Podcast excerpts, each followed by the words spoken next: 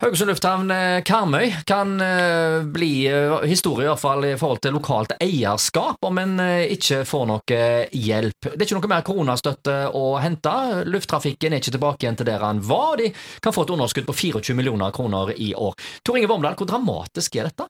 Ja, Det er jo dramatisk med hensyn til at de, ja, de må nå få inn penger for å kunne utvikle flyplassen videre. Så skulle det komme så galt at uh, selskapet da går konkurs, så vil en jo altså jeg tror jo det at en vil opprettholde uh, forbindelse mellom Haugesund og Oslo, men dette her altså har vært uh, folk på Haugalandet sin store drøm å få utvikle flyplassen til en uh, mer internasjonal flyplass. Det, den må vi nok se langt etter i så tilfelle. Det er jo enormt med charterflygninger, i hvert fall i sommerhalvåret. Vil ikke Avinor òg være tjent med at en slipper å åpne for det? De har jo avgifter og inntekter på det, de òg? Absolutt, det burde de. Så, så det, de som nå er sitter i styret for eh, flyplassen, de ønsker jo da å få redusert eh, utgiftene sine på ned leia. De betaler jo en stor leie nå inn til Avinor for eh, plassen, så det får vi håpe at de oppnår.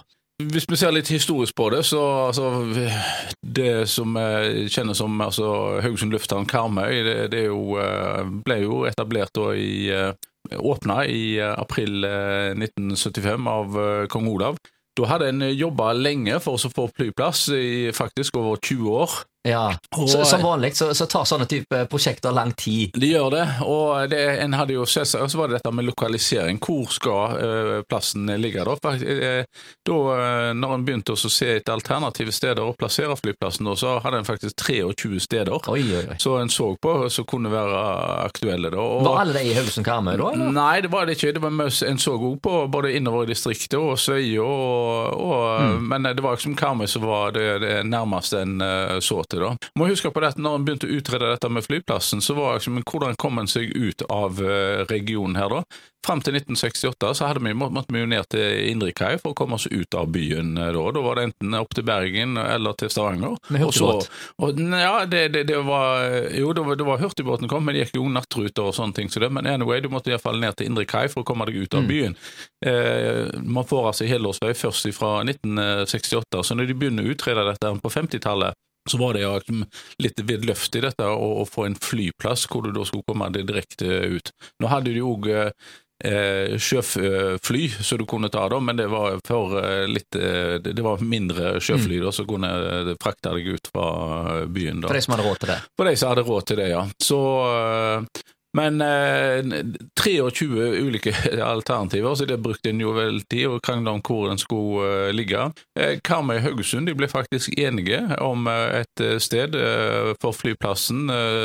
Og det var faktisk i nærheten av Avaldsnes, der mm. så ja, Bøsko ungdomsskole ligger i dag. Der ønska de jo at en skulle ta til å, ligge eh, flyplassen til å begynne med. Men eh, så det, det går det noen år, og så kom en opp med dette alternativet som en endte opp med, opp, altså ut på Helganes. Det gikk jo utover mindre jordbruksarealer. Det lå lenger borte ifra uh, mm.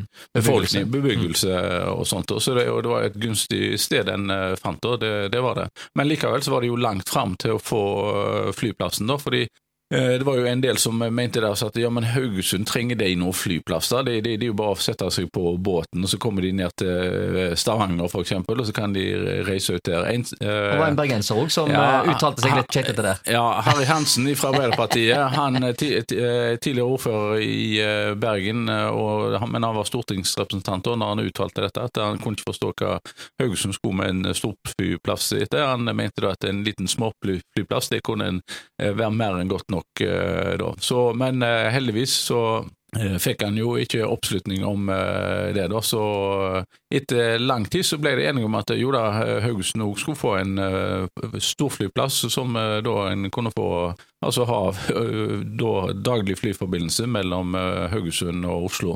Så etter, etter flyplassen åpna i 75, så var det jo bare altså Vi hadde to fly til dagen. Det var ett om morgenen og ett om mm. kvelden, og det gikk til Oslo.